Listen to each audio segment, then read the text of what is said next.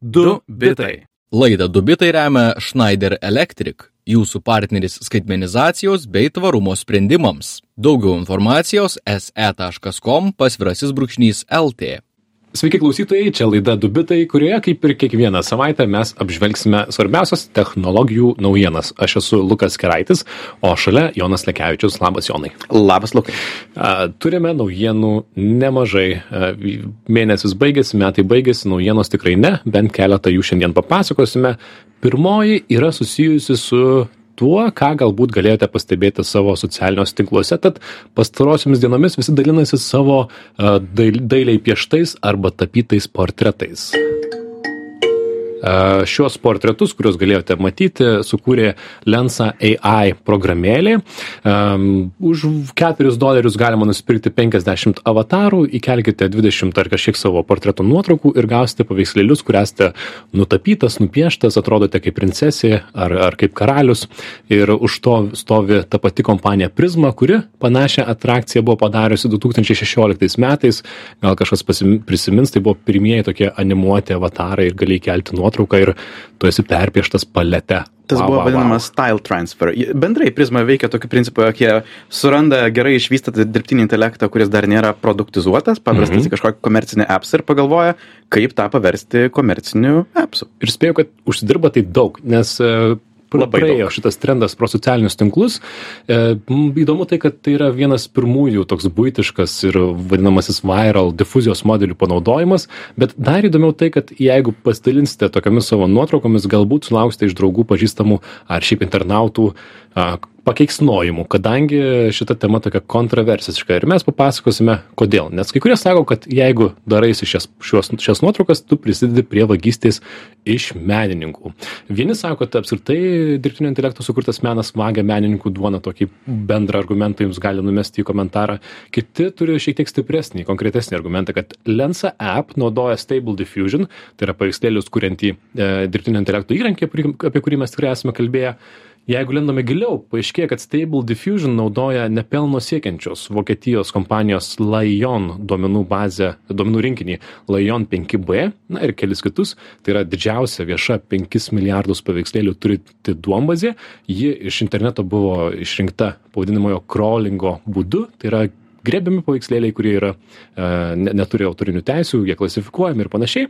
Arba turi autorinės teisės, bet tiesiog buvo pakeliu ir pagrebė. E, taip, kas ten su, sužiūrės. E, tai tie žmonės, kurių paveikslėlius paėmė, greičiausiai to net nežino. Ir kritika yra tokia, kad Lensa AI yra komerciškai naudojamas įrankis, pelna kraunas jo kuriejai, o tie žmonės, kurie kurių paveikslėliai buvo paimti, nei žino, nei gauna pinigų ir taip nukenčia e, menininkai kit kiti dar sako dar drąsiau kad išvis reikėtų pirma reguliuoti šitą sritį sukurti metodus kaip atsiskaityti su menininkais ir tik tada naudoti dirbtinį intelektą kuriate paveiksliukus. Mhm. menininkų protestas kaip tik šia šiandien a vakar mūsų įrašo dieną žodžiu trečiadienį vyksta svetainėje artstation. Kas yra dirbęs su dirbtiniu intelektu žino jog yra toksai raktažodis. Jeigu tu parašai prie dirbtinio intelekto generuojamo paveiksliuko trending on ArtStation, tai yra populiarus tame ArtStation puslapyje, staiga pradeda generuoti geresnės kokybės vaizdus, hmm. nes iš ten išrinkti vaizdai yra labai aukštos kokybės. Ten, ten savo kūrybą deda visokie kūrybos direktoriai, tapytojai ir taip toliau. Ir šiuo metu trending on ArtStation, jeigu pažiūrėsi, kokie e, kūriniai trendina, tai yra visi kelinėje tą patį paveiksliuką, užbrauktą žodį AI, su mintimi, jog mes sakome ne generuotą menui, mes nenorime, jog mūsų kūriniai eitų į dirbtinio intelekto modelius. Taip, tad moralas aiškus, mum, man atrodo, su Jonu bent man, kad e, tai, apie ką mes kalbėjome teorijoje, kad menininkai ir dirbtinis intelektas turės šiokį tokį konfliktą, tai tai jau vyksta šiam, šią, šią akimirką šiandien. Man įdomi menininkės Amy Steladė istorija, ji patikrino savo kurtus e, paveikslėlius svetainėje haveibeentrained.com, nu, įdėsime į šaltinius, galėsite išbandyti. Ir sužinojo, kad taip jos paveikslėliai, kuriuos kažkada seniai, seniai 2016 metais turėjo savo DeviantArt platformoje, buvo su, sukelti į tą rinkinį, panaudoti apmokant Stable Diffusion, tad ir Lensa AI ir iš esmės, na, ji už tai be abejo nieko negauna. Tad yra visai, visai pasibaisėjusi. Ir visi, kas tik tai kuriate panašius paveikslėlius, galite taip pat toje svetainėje pastikrinti. Tad e, klausimas iš viso to, ar tai yra vagiami menininkai ar mhm. nėra. Ir klausimas taip pat yra dėl honorarų, kaip su tuo elgtis. Nes bendrai kas žino kaip veikia dirbtiniai intelektai supranta jog negali tiesiog iš sugeneruoto vaizdo pasakyti kieno įvestis kieno duomenys buvo panaudoti generuojant. Mhm. Tai yra, dirbtinis intelektas tai yra tikrai panašus ir į žmogaus intelektą, į smegenis. Yra labai sunku pasakyti būtent kokie atsiminimai, um, kokios užuominos jam sukėlė tam tikras mintis. Ir todėl ta atribucija būtų labai sudėtinga pasakyti, o štai tu prisidėjai pusę procento prie šito paveiksliuko. Ir tuomet variantai tampa ar visiems iš tų 5 milijardų duot po lygiai, jeigu, tarkim, Lensa pasiema 50 centų gali skirti honorarams, ar visi gauna po 0,0001 cento už kiekvieną sugeneruotą paveiksliuką, tai tampa tikrai sudėtinga. Ir turbūt e, muzikantai jau yra su tuo sudūrę su Spotify, kurie gauna irgi ten 0,0001 centą už pagrojimą ir kaip tai jaučiasi. Taip, jeigu tu esi mažas kuriejas, yra daug paprasčiau numoti ranką ir tiek. Ar ne? Man tai primena situaciją su vadinamoju samplinimu, tai yra į muzikos kūrinių dalies naudojimu kūriniuose, kai 90-aisiais, 2000-aisiais tai buvo tokia, na, visi taip daro, o paskui tai taip pat tapo irgi, už tai galima mokėti honorarus ir panašiai. Tai atsirado sistema, kaip tai daryti, bet greičiausiai jinai greitai, greitai neatsiras.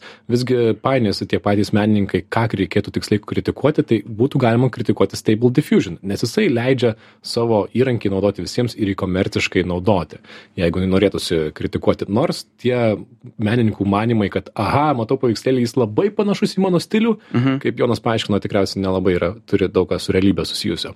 Yra ir kita kritika šiems portretams, daug kas sako, kad merginų portretai yra stipriai seksualizuoti, nunuoginti, netgi padidintos tos krūtinės, tuo tarpu vyrų, vaikinų portretai, jeigu jie įkelia, jie dažniausiai apsirengia gražiai, su kostiumais, kosmonautai ir ne tik fėjos. Mhm. Seksualizuoti pat ir vaikų nuotraukais, ko patys kuriai sakosi, kad nedaro.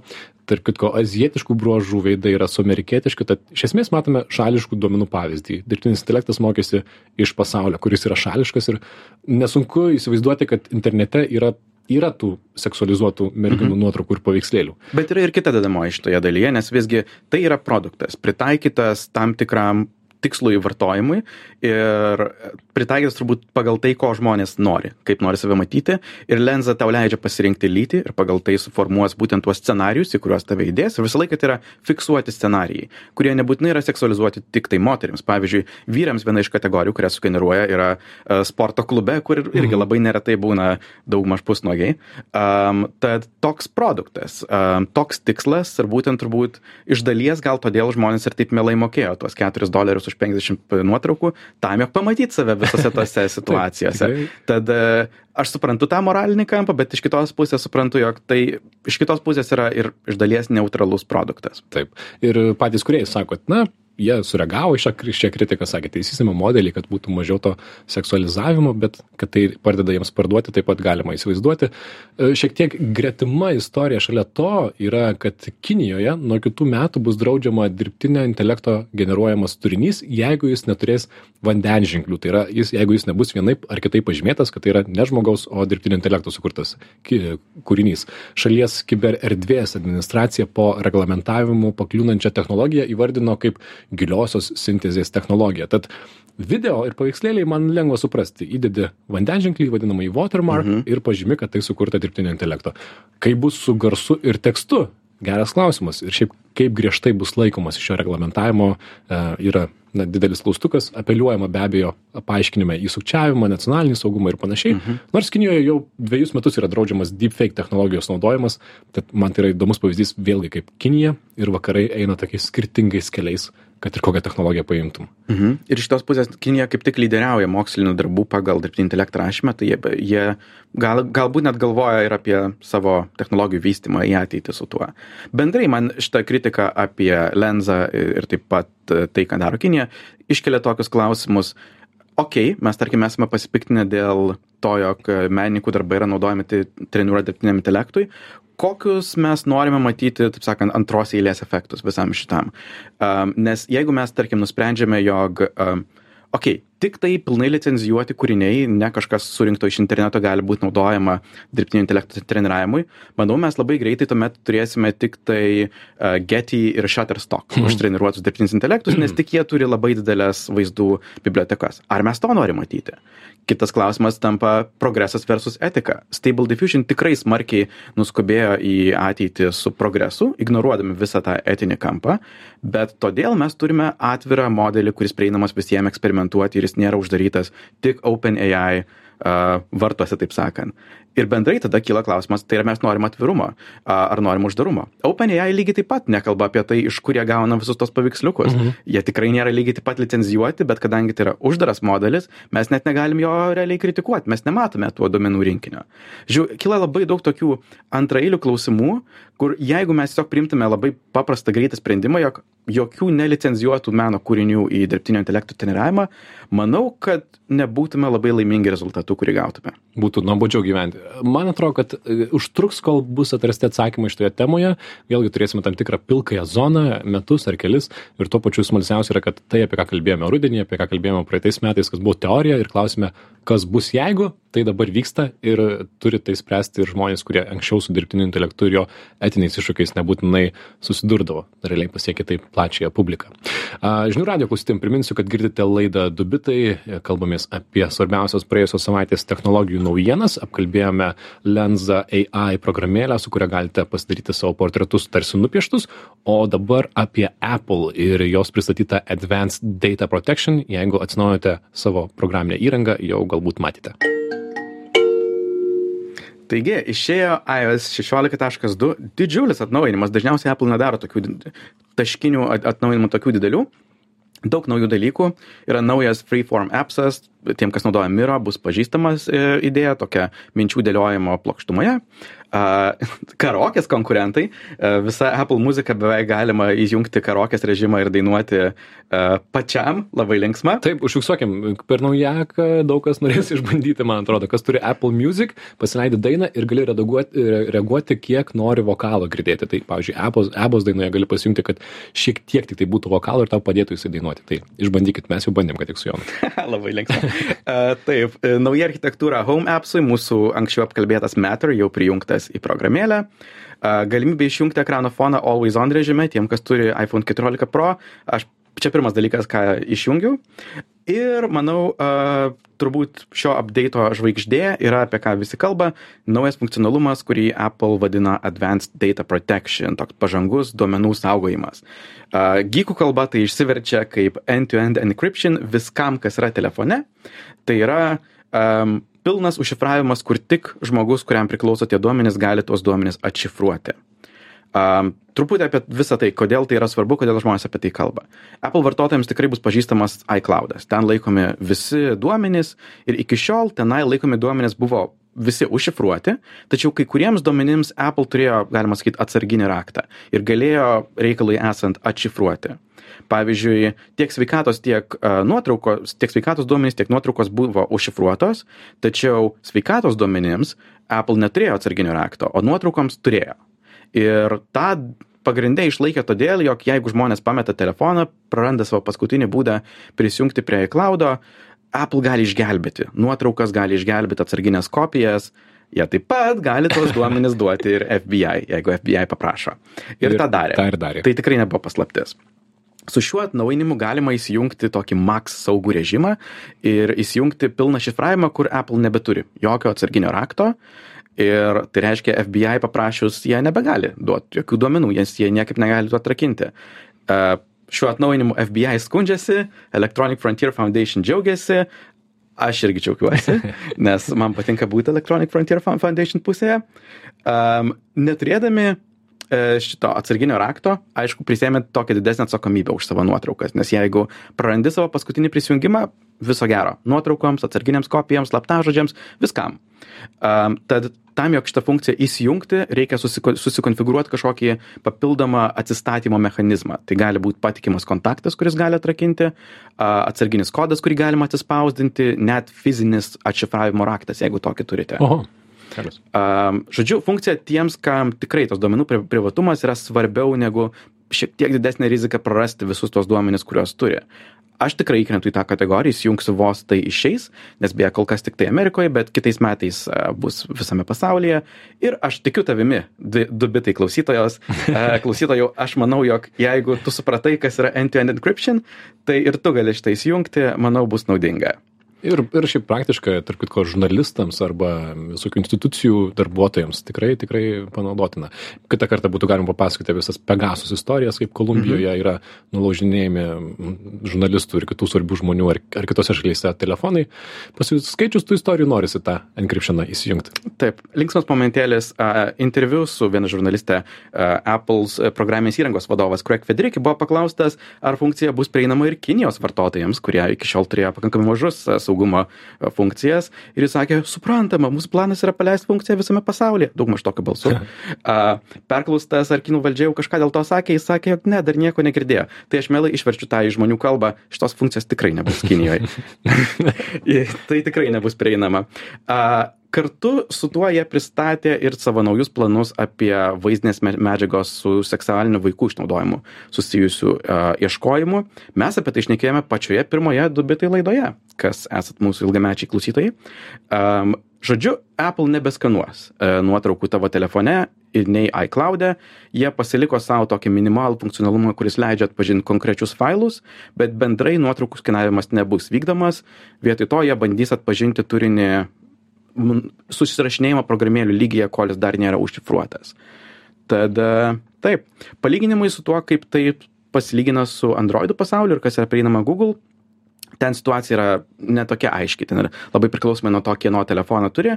Bendrai, jeigu turi telefoną, kuriame yra toksai saugus elementas, Secure Enclave, tai tuomet atsarginės kopijos yra šifruojamos, tačiau Google Drive failai ir nuotraukos niekada nėra pilnai šifruojami, tad jeigu reikia jums tokio funkcionalumo, reikia arba nes- nesinaudot Google paslaugomis, arba, jo, a, Mhm. Iki- kažką kitą. daug man atrodo android vartotojų iki šiol žinojo kad na ta programėlė kuri androide veikia ir yra end to end encrypted tai yra whatsapp e, e, tai yra tiksliau meta kurį laiką kalbėjo kad savo visus susirašinėjimus tiek feisbuke tiek instagrame padarys end to end encryption bet lygtais dar nepadarė bet planuoja ar ne tad e, tad gera žinia tiems kas mėgsta privatumą sulaukus tą funkciją bus galima įsijungti ir lietuvoje. Aš manau kad kita naujiena turėtų būti apie praėjusią savaitę apie šią savaitę paskelbtą tokį fizikinį atradimą tai yra fusion. E, reikia paminėti ar ne jonai? Būtų smagu. Fusion! fusion. Fizika. A. apie fiziką dabar šiek tiek. Taip, pirmą kartą ever mokslininkam pavyko pasiekti brandolinės sintezės pozityvų e, rezultatą energijos prasme. Ką tai A, reiškia? Nuclear fusion, toks galima sakyti priešingas dalykas standartiniams brandoliniams reaktoriams, kuriuose did, sunkus atomai yra skaidomi į mažesnes ir taip mažesnius ir taip yra generuojama elektra. Fusion atveju e, mažesni, lengvesni atomai yra jungiami e, sukuriant labai didžiulę aukštą temperatūrą, milijonus laipsnių Celsijaus.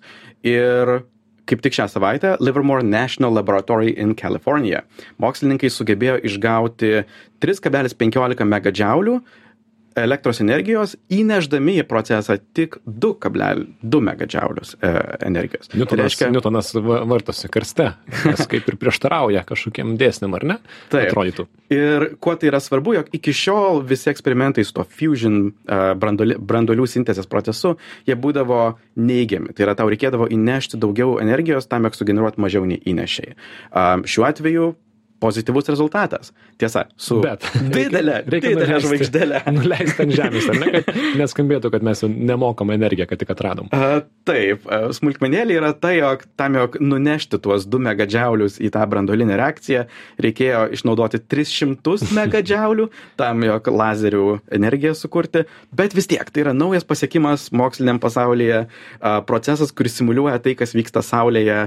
Iš tiesų, aš laikau daug vilties, jog tai bus a, ateitis. Jau gana greitai, aš manau, po kokių 50 metų. Taip, taip, būtent. Tiem, kas ne, nesekate, kas yra branduolių sintezė, tai yra toksai, na, futuristinis metodas išgauti energiją, kuris jau šią akimirką yra tikriausiai tyriamas 60 metų.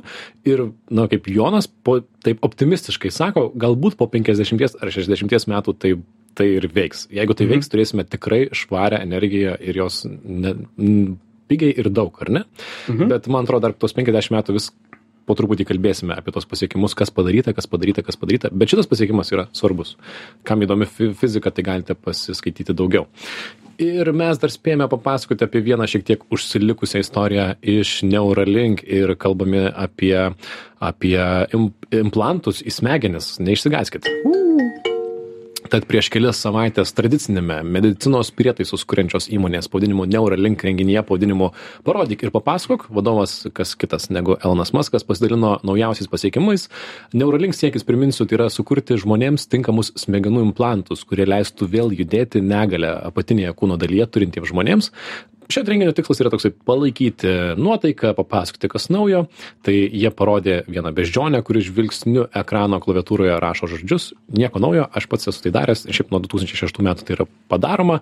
Papasakoju daugiau techninių detalių apie n vienas implantą. Ir įdomiausia turbūt buvo chirurginis robotas pavadinimu r vienas kuris ateityje galės savarankiškai pakišti implantą po žmogaus kaukole tai yra į ją įstatyti. Jis tilps pilnai po oda per penkiolika minučių gali įsiūti šešiasdešim keturis elektrodus į smegenis kad ir kaip baisiai taip kažkam galėtų skambėti bet iš tikrųjų yra labai įdomu. Man patiko momentas kai buvo parodyta bėgtakiu einanti kiaulė su dvejais implantais. Mhm. vienas buvo smegenyse kitas stubure ir implantas stubure sugeba perduoti perduoti informaciją apie kiaulės judėjimą tai yra apie raumenį raumens susitraukimus tam implantui kuris yra smegenyse.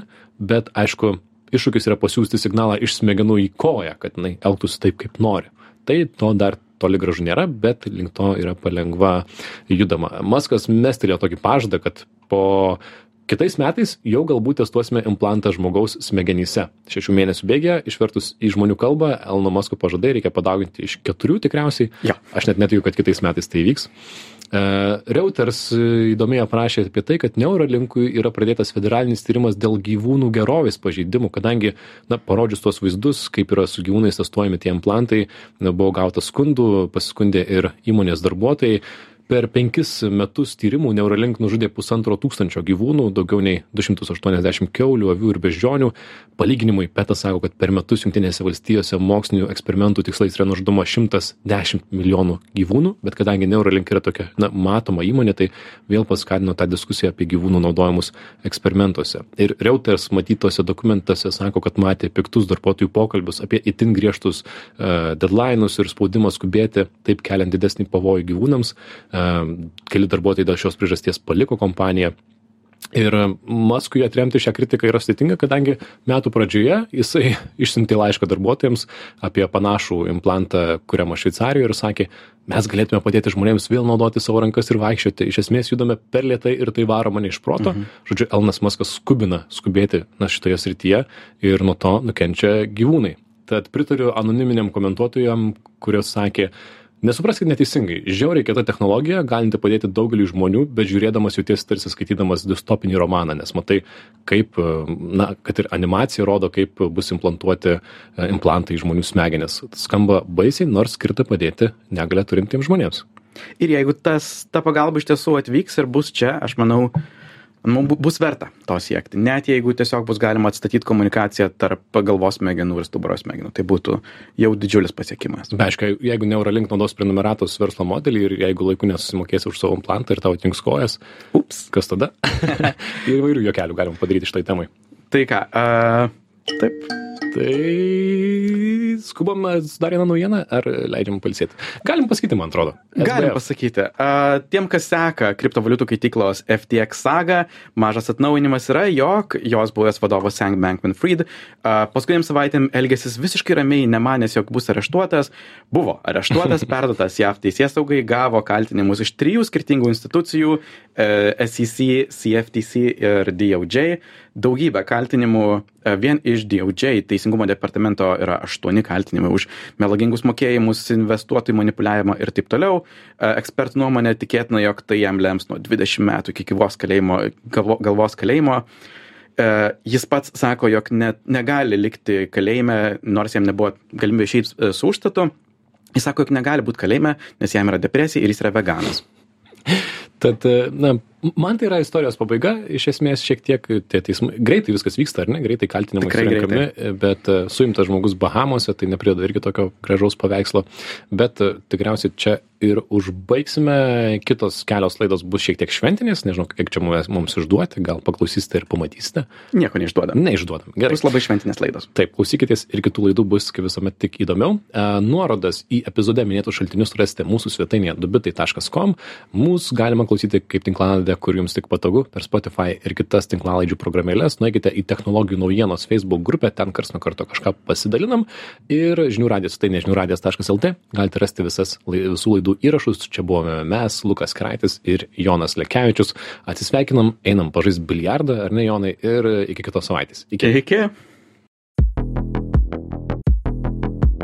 Du bitai. Laidą Du bitai remia Schneider Electric, jūsų partneris skaitmenizacijos bei tvarumo sprendimams. Daugiau informacijos se.com pasvirasis brūkšnys LT.